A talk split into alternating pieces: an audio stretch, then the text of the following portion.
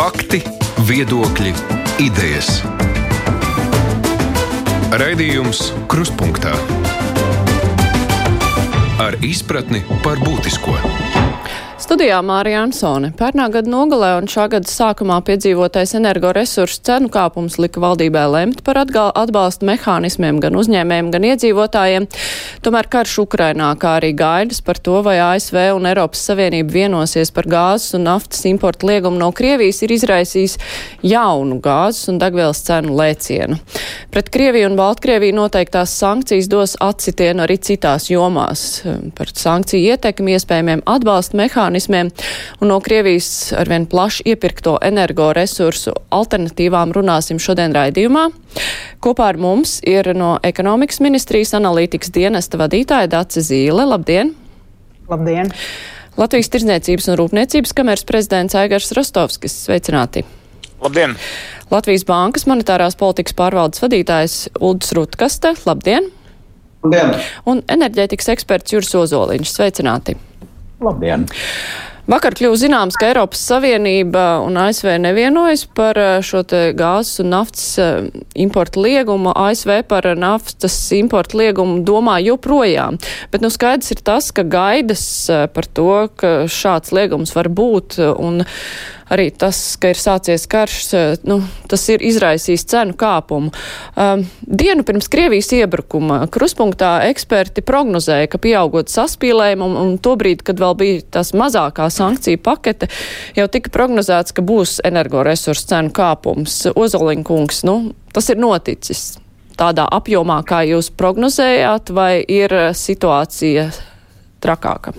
Nu, mums mainās katru dienu. 25. februārī, vienu dienu pēc uh, iebrukuma, uh, tirgotāji Baltijas reģionā, naftas, atvainojiet, gāz, dabas gāzes tirgotāji Baltijas reģionā sāka izmantot savas agrāk nopirktās tiesības uzpildīt uh, Inčkalnu gāzes krātuvi. Šajā brīdī uh, gāze plūst uh, no Somijas, virzienā uz Inčkalnu gāzes krātuves, no uh, savienojuma Lietuvā ar uh, Krieviju un no termināla. Un, um, tātad enerģijas sektors jau ir faktiski tā kara, ekonomiskā kara prelūdē. Um, jo atšķirībā varbūt no citiem, kas veiks, īsti nezināja, kur ir loģistikas ceļi un kā meklēt, enerģijas sektora cilvēki visu laiku strādā stresa apstākļos, un vienmēr rēķinās ar ļaunāko. Tas pats ir noticis arī ar elektrības lietām. Operatori jau ir novienojušies par tirdzniecības apjomu samazināšanu. Un mēs redzam, ka arī pretējā pusē, Kaļiņgradā, stāv pilnīgi jauns eh, Krievijas gāzes termināls. Un eh, es pieļauju, ka naftas rektifikācijas rūpnīcas Lietuvā un eh, Somijā kuras pašlaik strādā ar Krievijas naftu, bez šaubām arī gatavojās ļaunākajam, kas, protams, maksās naudu, tehnoloģiju pārkaisīšanu un uh, citus ceļus. Tā kā uh, daudzos gadījumos, klausoties tās uh, no tos pasterdienu scenārijus citos sektoros, gribu teikt, tas priekš enerģijas sektora jau ir vakardiena. Rutkas kungs, nu, šis te cenu kāpums, ko mēs tagad redzam degvielai, tas milzīgais lēciens jau arī, kas bija vakar, nu, ko patērētāji labi redzēja, te, tie paziņojumi par to, ka arī gāzes cena ir pieaugusi. Nu, tas ir saistīts, jā, ar eh, cenu biržā, bet eh, vai šobrīd notiek nu, kādas sarunas, lai stabilizētu šo cenu kāpumu, lai varbūt nu, arī meklējot alternatīvās piegaidas, nu, lai, lai ar laiku tas uh, varbūt pat iet uz leju. Kāds, kā notiek tā regulēšana šobrīd pasaulē? Arī nezinot, vai Krievija tiks izslēgta vai netiks izslēgta, Eiropa tāpat mēģina pārorientēties.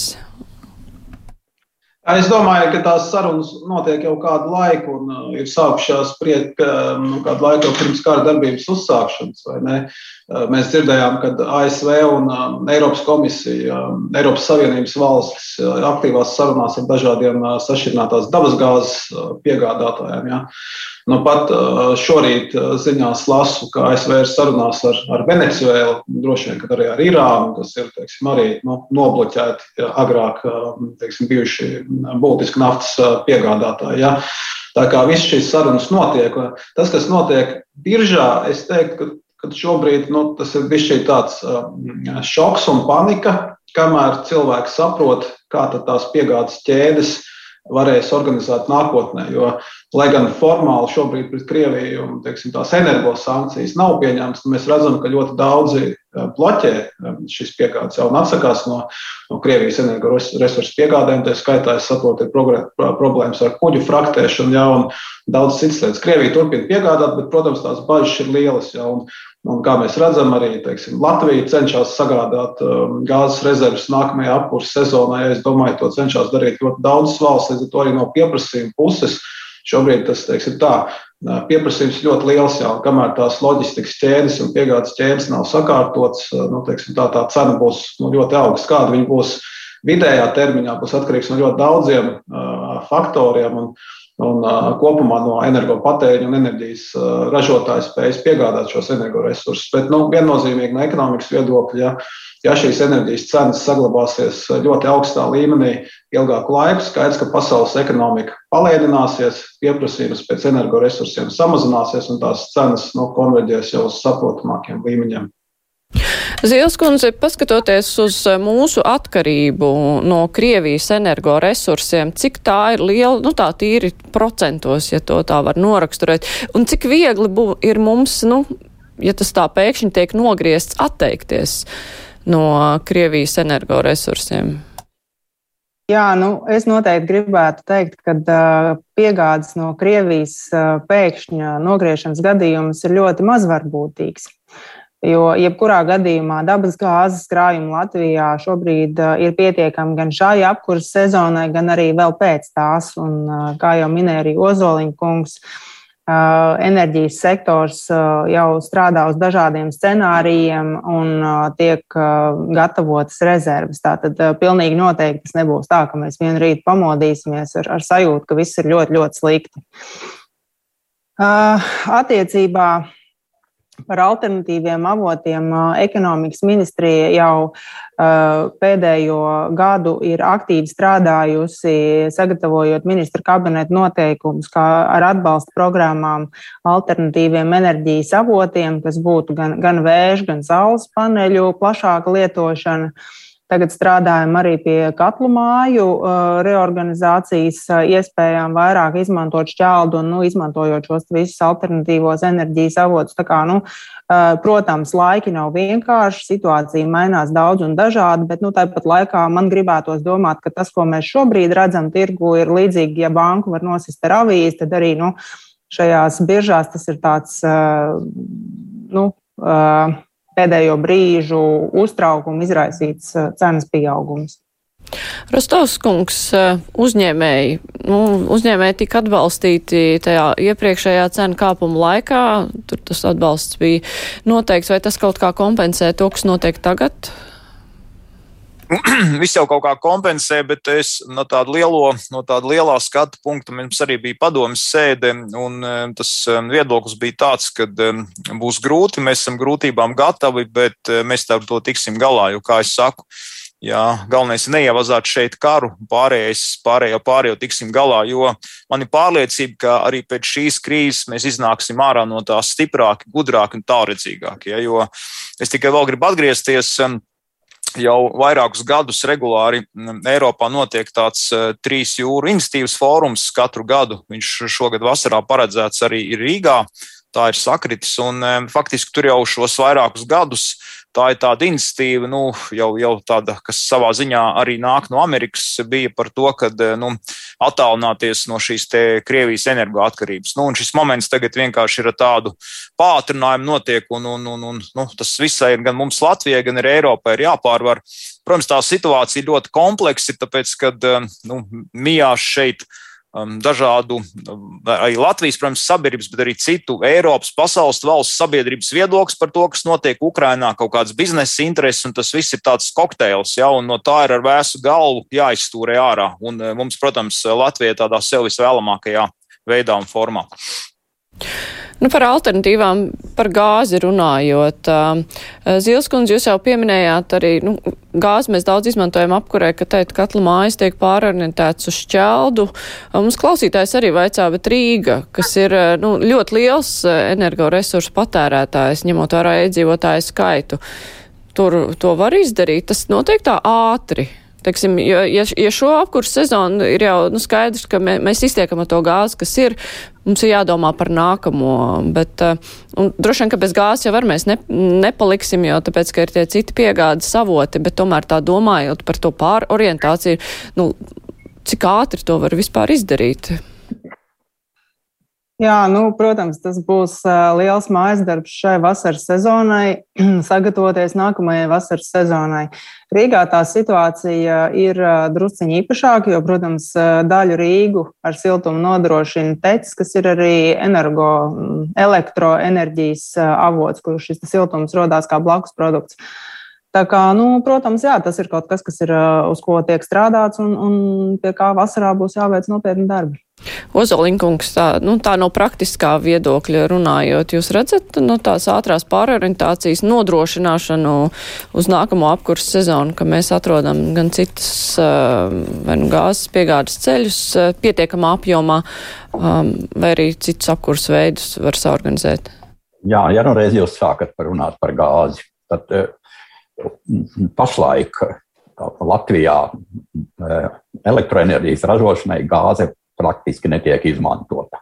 Rīgas teci ir netaisās strādāt un pareizi pašlaik dara, tiek uzkrāti, tiek taupīti resursi, eh, lai viņi paliek Inčkalnā.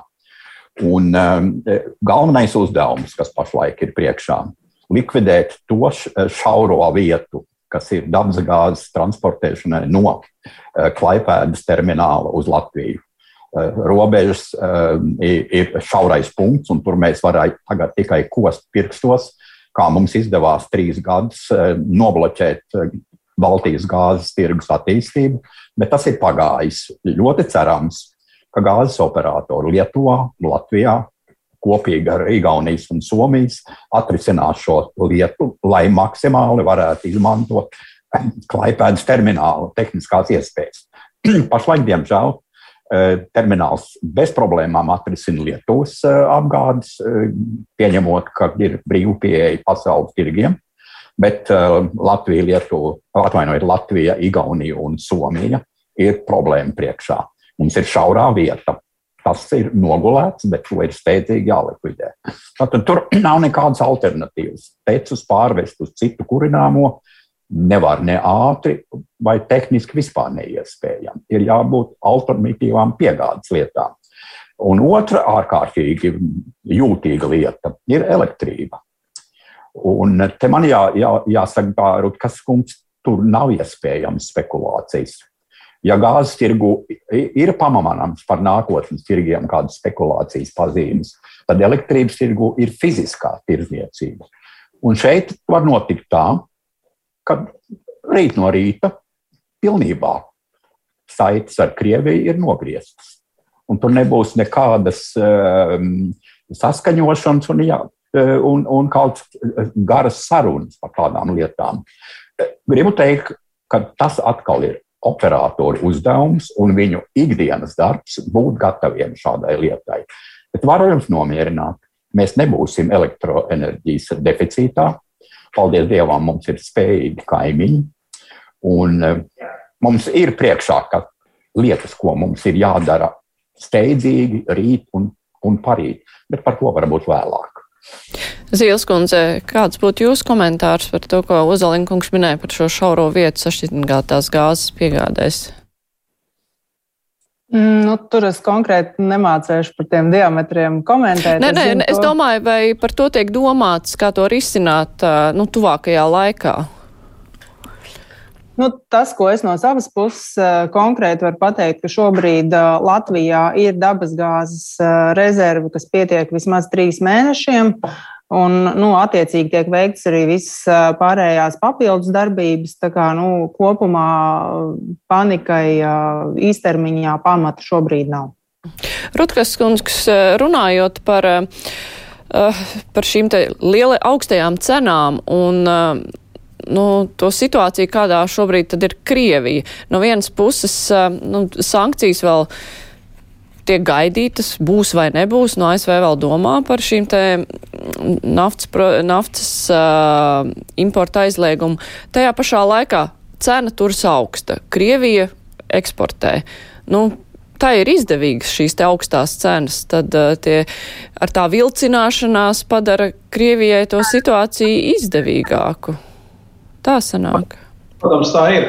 Es teiktu, Krievijai šobrīd eh, nu, teiksim, tā problēma var izveidoties lielāka, kur tos naftas dolārus likt, jo, jo daudz ko citu nevarēs, tehnoloģijas nevarēs iepirkt. Ja? Bet kamēr ir cenas augsts un kamēr Krievijai ir iespēja pārdot uh, savu naftu un gāzi, skaidrs, ka viņai tie valodas uh, ienākumi ienāk. Ja? Un tas, protams, arī ir atbalsts rubļu kursa stabilizācijai, lai gan viss to rublis ir pakrities. Tā kā kopumā, jā, un, un es nezinu, cik um, globāli, cik viegli ir uh, valstī, kā Krievija, uzlikt um, tādas naftas, piemēram, naftas uh, pārdošanas sankciju, nu, teiksim, kas paralizē šo naftas tirzniecību. Ja, ja, ja gāzes ziņā mēs redzam, ka tur Krievija lielā mērā ir saistīta ar gāzes cauruļvadu infrastruktūru, ja es saprotu, Naftu jau viņi tirgo ar, ar kuģiem, ja, un nepirks rietumu, iespējams, ķīnieši pirks ar diskontu. Ja. Un šobrīd mēs arī redzam, ka naftas cenu jomā, nu, teiksim, Krievijas nafta jau sāk tirgoties par jau teiksim, tā, pamanāmi zemāku cenu nekā cita nafta. Ja. Tā kā Krievija visticamāk piedāvā uh, atlaides, lai, lai teiksim, šie, šie, šie, šie naftas transporta kuģi ienāktu uh, ostās ja, un to, to, to naftu arī transportētu uh, kādā, kādā, kā, kādam patērētājam, kas to ir gatavs nopirkt. Ja. Bet vai Ķīna nu, tā tiešām var paņemt pretī visu, ko Krievija nav iztirgojusi citiem, jo tur jau arī ir nepieciešama infrastruktūra, un uz to pusi jau tā nav izbūvēta tik. Uh, pilnīga, kā lai nu, to, tos apjomus varētu visus uh, izvest? Kā ekonomika Ķīna, es domāju, pilnīgi mierīgi var paņemt um, tos apjomus, un, un tur ir droši vien arī citas valstis, kā Indija, un, un varbūt vēl kādas, kas būtu gatavas. Es arī saprotu, ka uh, ar infrastruktūru var būt problēmas, jo, piemēram, tās pašas naftas pārstrādes rūpnīcas, nu, viņas ir kaut kā pielāgotas konkrēti uh, ķīmiskā sastāvā naftā, jau tur ir zināmas nianses. Es šeit neesmu eksperts, varbūt Ozolīna kungs var nokomentēt. Bet, ja, piemēram, Ķīna redzēs, ka Krievija ir gatava piegādāt ar, ar krietni lētāku naftu viņai, teiksim, tā ilgāk uz priekšu, tur jau tās sadarbības saites var veidoties. Šeit man ir vairāk jautājums, vai rietumi var arī ietekmēt Ķīnu. Ķīnas uzvedību. Jā, protams, ka no vienas puses var arī veicot šīs otrās kārtas sankcijas, piemēram, sankcionējot tos uzņēmumus, kas palīdz apiet, piemēram, rietumu sankciju uh, nu, rietumu noteiktās sankcijas. Ja, tā kā daļ, daļai instrumenti ir, bet nu, jāsaprot, ka Ķīna, Ķīna ir sava politika un Ķīna ir savas intereses un viņi rīkosies savu interesu vadīt. Vācija bija tā, kas uh, iebilda pret uh, Krievijas uh, energoresursu importa aizliegumu. Uh, tur var saprast, jo viņi ir liela patērētāji. Ir arī citas Eiropas Savienības valstis, uh, nu, kuras tur gribēja savas atrunas, uh, jo tām rastos liels problēmas. Rostovs kungs, no Latvijas viedokļa, kā jūs redzat, jūs būtu par šīm te energoresursu sankcijām vai nebūtu? Nu, no Latvijas viedokļa raugoties? Nē, nu, skaidrs ir tas, ka šobrīd tas spēles laukums, ja tā var teikt, ir tāds, ka ir tāda civilizācijas sadursme, ja rietumu civilizācija nu, būvējusi sev tādu, nu, tā kā uz labklājību, uz ekonomiku vērstu tādu, tādu konstrukciju, un, un, uh, un tad, tad Krievija šobrīd to savu ietekmi būvē nu, ar, ar, ar kara darbību. Un tur ir pilnīgi citas, tā, citas tās loģikas. Ja. Tas, kas par ko ir jāpadomā mums visiem, um, tas ir konceptuāls jautājums, jo skaidrs ir tas, ka Protams, šobrīd ir šoks, jā, nu tas ir otrā nedēļa, kara darbība rāda tos kadrus, visi ir tādā šokā, jā, un ir gatavi tur likt tās sankcijas tā un tā. Bet um, tad iestājās tā nākamā fāze visiem, nu, kad it sevišķi tiem, kas dzīvo tālāk, tur nezinu, Amerikā, Eiropas otrā daļā, nu, tie cilvēki, nu, viņi jau pierod pie tā visa savā ziņā. Tā tā cilvēka daba ir. Un tad celsies tie jautājumi, nu, par, nu, gribās labāk dzīvot tā un tā, un tad vienkārši tas ir tas moments. Faktiski šobrīd ir izšķiroši. Es neesmu uzreiz pateikšu sankciju speciālists, skaidrs, ka sankcijas iedarbina, tad viņas ir sāpīgas gan tam, uz ko tas tiek iedarbināts, gan arī tam sankciju devējiem. Ja? Bet lielākais tas um, uzdevums faktiski ir rietumu civilizācija noturēt to, uh, to, to režīmu visu laiku tādu, kamēr tas karš izbeidzās un kamēr ir kaut kāds atgriežas kaut kādā normālā, normālā režīmā. Tas, manuprāt, ir pats būtiskākais. Ja? Un, un tur es domāju, to instrumentu ir, ir ļoti daudz. Un pa Ķīnu runājot tieši tā, Ķīniem, Ķīnai šajā visā stāstā, un tikai šī stāstā, ir savas intereses. Tā ir milzīga lielvalsts, milzīga saka, ekonomika, un viņi spēlē savu spēli. Viņi spēlēs tā, kā viņiem būs izdevīgi. Ozoliņkungs, kā jūs domājat, vai ir nepieciešams iet uz visu banku, arī runājot par energoresursiem? Ja mēs redzējām arī, kā mainījās rietumu nostāja, nu sākumā tās sankcijas bija tādas, nu, ka šķita, ka Krievija nu varbūt neies tik tālu, un tad ieraudzīja, uz ko Krievija ir gatava iet, un tad izrādījās, ka tās sankcijas, par kurām pirms tam likās neticam, nu, ka tās tomēr ir vērts ieviest. Kā ir run, domājot par energoresursiem?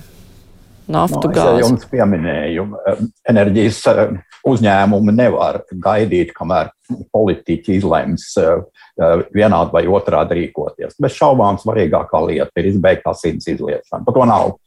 Šeit ir dzīvība jautājums.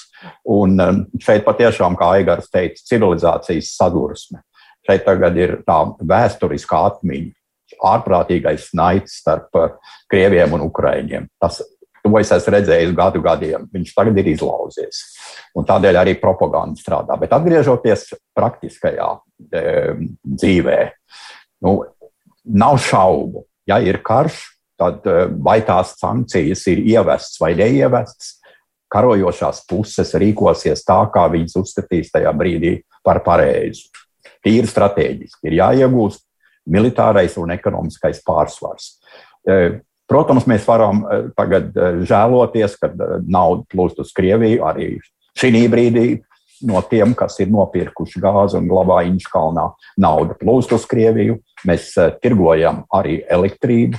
Mēs maksājam Krieviem gan Lietuvas apgabalā, gan Latvijas apgabalā. Bet tā ir reālā dzīve. Bet tagad, tagad jā, jautājums, kā, jūs, kā mēs nodrošināsim savus iedzīvotājus? Teikt, ka e, mēs vēl domāsim, tas jau būs par vēlu. Tagad ir jābūt rīcības plānam. Un te es atkal teikšu, ka enerģijas uzņēmumi, manuprāt, savā psiholoģijā un savā loģistikā ir priekšā visiem pārējiem. Pa, pa jūrām klīst gāzes transportētāji kuģi. Pie liepājas nostāvēja veselu mēnesi Gazpromam piederošais pielādētais gāzes tankers, kurš pašlaik ir devies Lamanšā. Tad enerģijas cilvēki mēģina uzminēt, kas notiks. Un šeit ir ārkārtīgi svarīgi, lai eh, Latvijas politiķu rīcība būtu adekvāta. Mūsu neizdarītie mājas darbi, kā jau teicu, starp savienojumu šaurums starp Lietuvu un Latviju, un ārkārtīgā atpalicība ar atjaunojumu resursu ieviešanu, kas ir ātri izdarāmas lietas, ja to iesaista Latvijas uzņēmējs, viņu īpašumtiesības uz zemi, lai nebūtu tur jā, jāstaigā pa mežiem un jābraukā pa jūrām, meklēt, kur viņas izvietot. Un eh, es jau Aigaram nosūtīju vienu iniciatīvas vēstuli. Nu, redzēsim.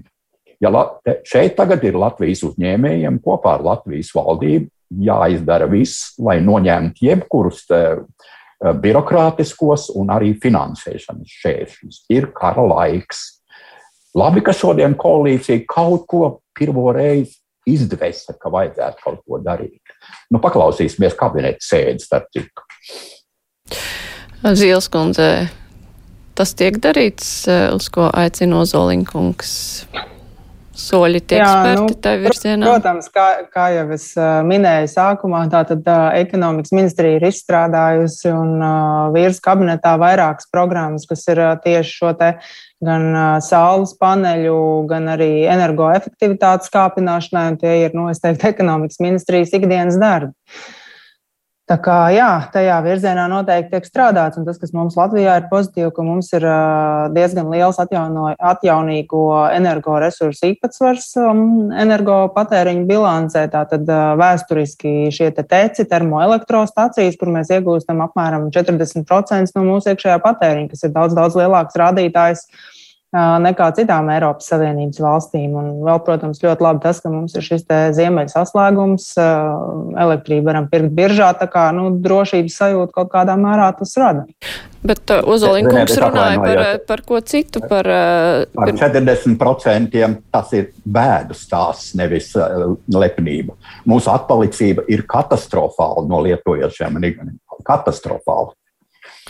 Un, jā, tas, ko Ozoliņkungs vēl minēja, ir par straujāku rīcību un uzņēmēju aktīvāku iesaisti. Tas tiek darīts, vai tās, nu, teiksim tā, tie tempi, vadoties pēc tās pašreizējās situācijas, tiek kāpināti risinot šos jautājumus? Vai tas viss notiek straujāk nekā ja tas, ko jūs minējāt, ka tas ir bijis līdz šim ministrijas darba kārtībā ikdienas? Nu, es, domā, es tiešām nekad nedomāju, ka es teikšu, ka uh, Covid pandēmija bija tāds uh, labs variants, bet nu, šajā situācijā ir jāsaka, tiešām, ka mums ir bijusi laba Covid pandēmijas pārdzīvošanas pieredze, kur sadodās rokās gan uzņēmēji, gan valsts pārvaldes, gan pašvaldību pārstāvji un ātri izdara to, kas ir jāizdara. Un es ticu, ka balstoties uz šīm iestrādēm, mēs pilnīgi noteikti spēsim pārvarēt arī tos izaicinājumus, kas saistās ar uh, nepieciešamajiem pielāgojumiem um, enerģētikas sektorā. Te es esmu spiests, es spiests izteikties. Uh, nu, mēs no LTRK šo uh, Covid pārvaldību vērtējam uh, kopumā netik labi, maigi sakot. Bet es šobrīd, šis nav tas brīdis, kad tagad iestīk kaut kādās kritikās. Tepat blakus kaimiņos ir karš. Uz to, ko es aicinu publisko sektoru, kad ieslēgt citu domāšanas un rīcības algoritmu, vienkārši atbilstoši tai ārējai situācijai, bez birokrātijas, bez kaut kādiem liekiem tur skaņošanām, bez tā visa, bez tā visa ārprāta. Šeit ir plāns, rīcība. Un tieši tā, uzņēmēji eh, virkni sektoros ir gatavi iet iekšā ar, gan ar investīcijām, gan ar savām lietām, bet tas, kas bieži vien traucē, ir tieši birokrātija, visādi papīra izskatīšana, tur 30 dienas, kamēr kaut kāda iesnieguma izskata un tam līdzīgi. Šis nav tas brīdis, kad ar šādā veidā darboties. Es aicinu vienkārši ieslēgt citu, citu vispār tādu pieeju šai, šai lietai. Kopā mēs varam visu kaut ko atrisināt, visas problēmas pārvarēt, bet šeit tiešām jāieslēdz cita, cita darbošanās, tāda kultūra, tā var teikt. Jā.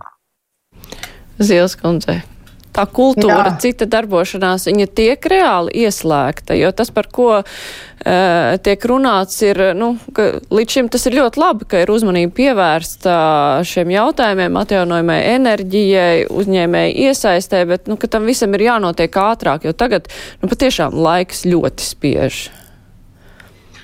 Jā, laiks ļoti spiež, un, protams, ka tur ir izaicinājumi, kas ir saistīti vairākos virzienos. Te gan es gribu teikt, ka tomēr mūsu valsts ir balstīta uz demokrātiskiem principiem un ka ir jāņem vērā ne tikai uzņēmēju un enerģētiķu intereses, bet ir iespēja robežās jāņem vērā arī iedzīvotāju intereses pašvaldībās. Tā kā, nu, protams, tā ir tā viena no mūsu nu, sistēmas vērtībām, ka mēs ņemam vērā dažādas iedzīvotāju grupu intereses. Un, uh, es nesaku nevienā mirklī, ka šis izaicinājums ir viegls un vienkāršs, jo īpaši ņemot vērā to, ka uh, šādi apmēra pielāgojumi noteikti prasīs arī uh, dažādas lielas, līdz šim neparedzētas piegādes, kas savukārt atkal saistās ar uh, sarežģījumiem uh, tirgos un izaicinājumiem saistībā ar piegāžu ķēdēm. Kā, nu, es nesaku, ka tas būs vienkārši, bet es esmu pārliecināta, ka to var izdarīt. Ozolinkungs ir jāmaina pieeja attiecībā uz, um, nu, pieminētajām iedzīvotāju brīvībām kaut ko uh, izlemt un darīt, jo, nu, šī ir ārkārtas situācija, kad varbūt ir jāraugās uz lietām mazliet citādāk, vai tomēr ne? Un, zināt, Latvija jau pieredzējusi divus vēl trakākus brīžus. Tas bija tad, kad mēs ieguvām reālo neatkarību pēc puča, un otrais bija Krievijas defaults. Un mēs izgājām daudz trakākiem cenu eh, lēcieniem nekā pašlaik. Es gribētu aizstāvēt Zīles kundzi, jo viņa nav politiskā vadība. Un es ceru, ka viņi nav pielikusi rokas pēc pie tiem diviem ārprātīgi muļķīgiem dokumentiem, kurus šodien ministra kabinets ap, apstiprinās kā labojums eh, noteikumos par atjaunojamās enerģijas izmantošanu. Respektīvi, eh, nostiprinās represīvu aparātu un eh, apgādi ar informāciju, ko par naudu būs jāpiegādā uzņēmējiem. Ja kaut ko sliktu dara, krīzes brīdī, tad šis ir veids, kā pamācīties, ko nevajag darīt. To veidu tiešām ir jānoliek pie malas. Nav vērts tagad um, ņemties par vecām lietām, bet um, būtu ļoti, ļoti labi, ka tās programmas, ko Dzīves kundze minēja par atbalstu iedzīvotājiem, jo tas ir, ziniet, piliens jūrā visā tajā uh, apgādes sistēmā. Bez Latvijas uzņēmēju līdzdalības, es domāju, neizkustēsies no lietas. Bet eh, šeit nevajadzētu būt pesimistiem. Patiešām jābūt ar, eh, ar optimistisku skatu. Mēs to varam izdarīt, mums ir nauda, mums ir zeme, ir pieejamas tehnoloģijas, darīsim visu, ko varam priekš savas zemes. Nu, mācīsimies kā Ukraiņiem. Viņi brauc no šejienes aizstāvēt savu zemi. Atved ģimeni, vīrieši brauc atpakaļ. Nu, izdariet, mīļie, uzņēmēji arī savā zemē kaut ko priekš sevis. Labi, noslēdzot šo energoresursu sadaļu.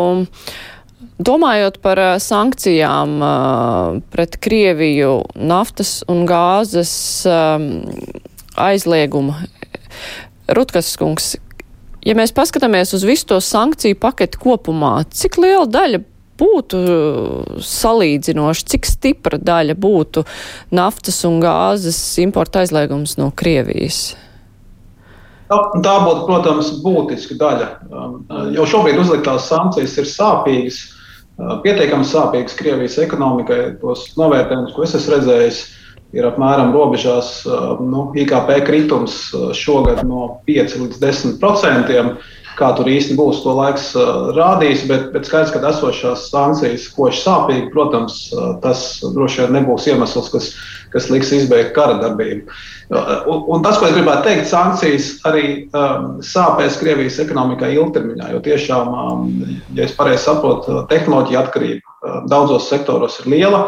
Kaut ko noteikti varēs pārorientēt uz Ķīnas piegādēm, bet droši vien ne visu.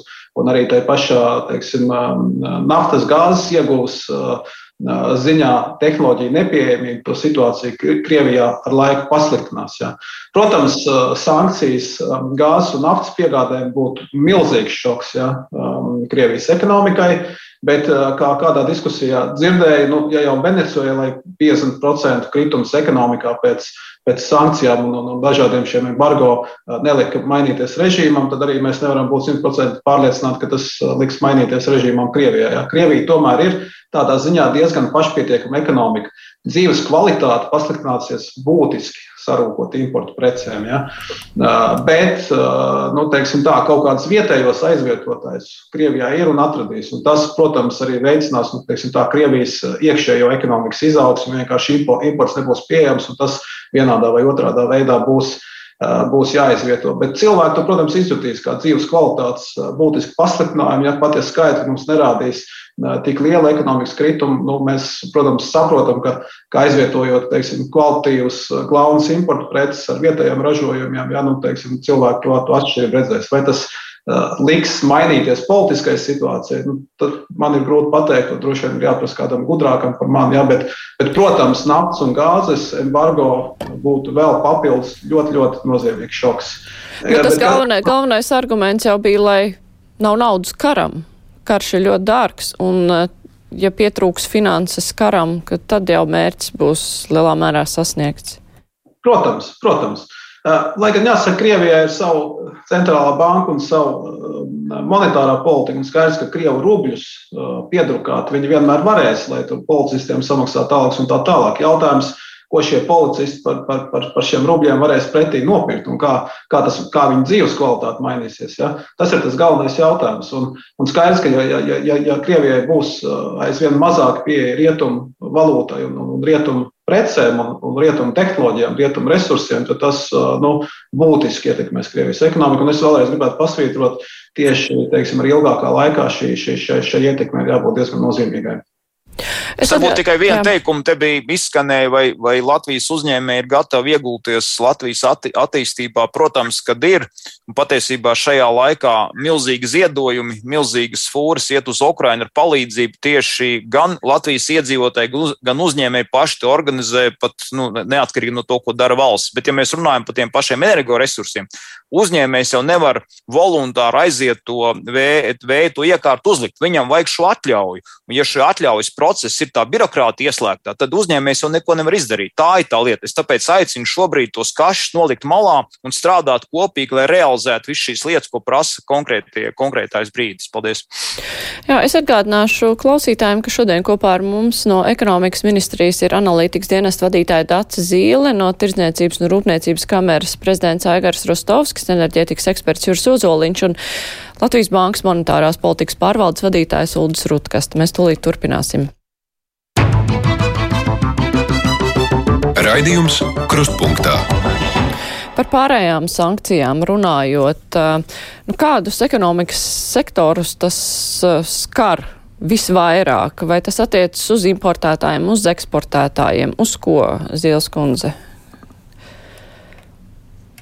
Jā, nu šis sankcijas gan vairāk ir ārlietu ministrijas kompetencē, Bet nu, tik tālu, cik tālu es varu komentēt tātad par ārējo tirdzniecību, kas mums ir bijusi ar Krieviju, lielākā daļa kopumā tātad kopējais eksports no Latvijas uz Krieviju veido 7% no Latvijas kopējā preču eksporta. Uh, un šajā struktūrā galvenās preces ir uh, dzērieni, alkoholiskie dzērieni, kā viskijas ar tilpumu līdz diviem litriem, mehānismi, ierīces, elektropreces un farmācijas produkti. Uh, pēdējo gadu laikā eksports ir bijis diezgan stabilā līmenī, nekāda strauja pieauguma nav novērojama jau kopš 14. gada, kad tika veikta šīs darbības. Krimas pussalā un Donbasā, jo uzņēmēji jau ilgstoši strādājot ar šiem tirgiem, un Rostovs kungs neļaus man samalot, ir sapratuši riskus. Tas ir augsta riska, augstas peļņas potenciāla darbības, kas, nu, attiecīgi arī uzņēmējiem pašiem ir jāpieņem šie lēmumi, darboties vai nedarboties. Tas, kas ir noticis šobrīd, Eiropas Savienība ir nākusi klajā ar sankciju mehānismiem, kur, protams, vēl ir ļoti daudz jautājumu par praktisko piemērošanu un, un kompleksā būtību, ko arī ārlietu ministrija skaidro.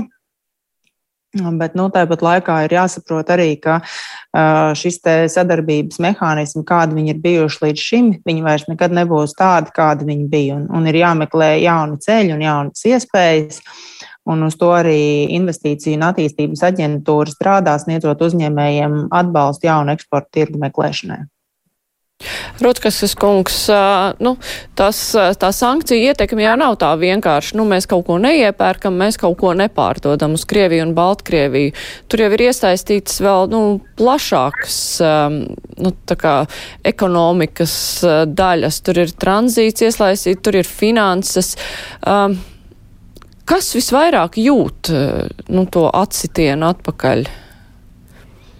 Es teiktu, šobrīd es neliktu būtiskāko uzsvaru uz tranzītu un finansēm, jo tranzīts jau pirms teiksim, kara darbības uzsākšanas ir bijusi tāda jau nu, salīdzinoši neliela nozare Latvijas kopējā ekonomikā. Ja?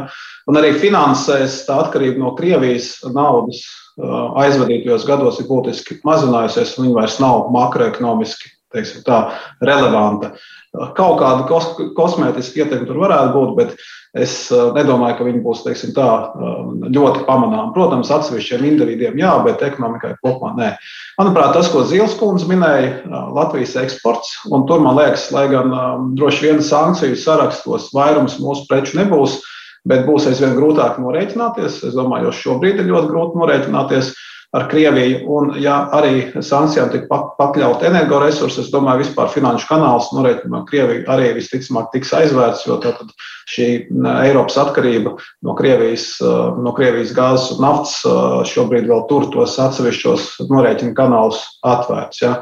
Līdz ar to ir uzņēmumiem ir jārēķinās, ka, nu, teiksim tā, Iespējams, ja fiziska robeža būs vaļā, nosūtīt preces varēs, bet, bet, bet problēmas saņemt pretī samaksas būs, būs ļoti nozīmīgas. Ja? Un, un, un, un tas nozīmē, ka uzņēmumiem, kas joprojām tirgojas ar Krieviju, ir, ir nu, pēdējais laiks, jau sen tas laiks bija pienācis domāt, kā diversificēt savus noiet tirgus. Ja? Otrs ietekmes kanāls, manuprāt, caur importu. Jo bez energoresursiem, par ko jau mēs runājām, Latvija diezgan daudz importē tērauda no Krievijas un arī minerālu mēslus. Virkni citu uh, preču arī, bet tieši tērauds un minerālu mēslu apmēram pusi no Latvijas uh, kopējā importa, kas ir diezgan liela ekspozīcija. Un, uh, teiksim, tērauda ziņā mēs jau redzam, ka Severstaļ jau ir, kā saka, īpašnieks ir sankciju, sankcionēto individu sarakstā, un, un tur šis bizness ar Eiropu ir jau beidzies. Tātad mums būs jādomā, kā, kā mēs, kur citur, kā mēs aizvietojam šīs izēvielas. Jā, Latvijā metāla apstrādes mašīna būs sektors tomēr diezgan aktīvs un būvniecība, protams, kur, kur tas, tas var ietekmēt. Jā, tā, kā, tā kā tur mums ir steigšs jādomā, kā mēs varam šīs piegādes ķēdes diversificēt. Jā, un, protams, minerāla mēsla, lauksaimniecība, jā, nu, tas var, protams, arī būtiski apgrūtināt šo situāciju, samazināt ražības. Jā, un, un neizmantot teiksim, to kaut nelielo pozitīvo efektu. Ja? Sagaidot pārtiks un graudaugu cenas jau šobrīd ir pieaugušas, ja tās ražas būs zemes, tas skaidrs, ka, kad mēs potenciāli savus ieņēmumus tur um, nerealizēsim tādā mērā, kā to būtu varējuši. Ja?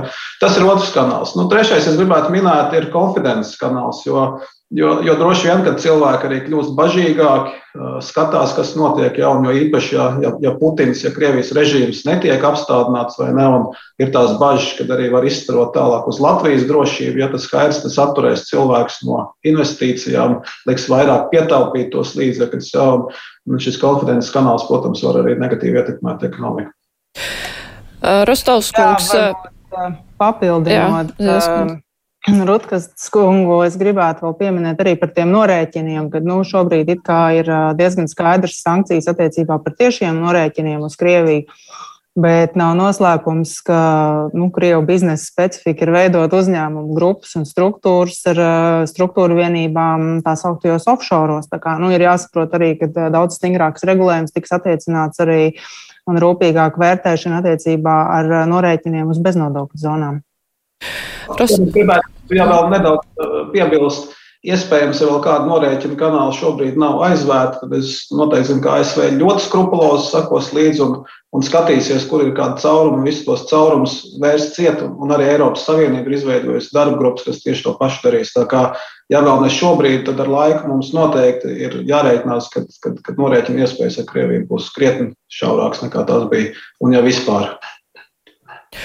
Jā, runājot par nu, eksportētājiem, ir skaidrs, nu, ka visiem, protams, ir iespējas meklēt kaut kādus alternatīvos noiet tirgus, bet par to, kas tiek importēts, nu labi, koks, koku izstrādājumi, tur droši vien, ka var meklēt alternatīvu. Mēs paši arī ražojam koku, plastmasa Droši vien kā arī minerāli mēsli, dzels un tērauds, tas ir tās topa preces. Rostovskungs te tika minēts, ka to jutīs uzņēmēji, bet vai viņi jau jūt, vai arī viņi jau ir atraduši nu, kaut kādus alternatīvās uh, vietas, kur iegādāties to.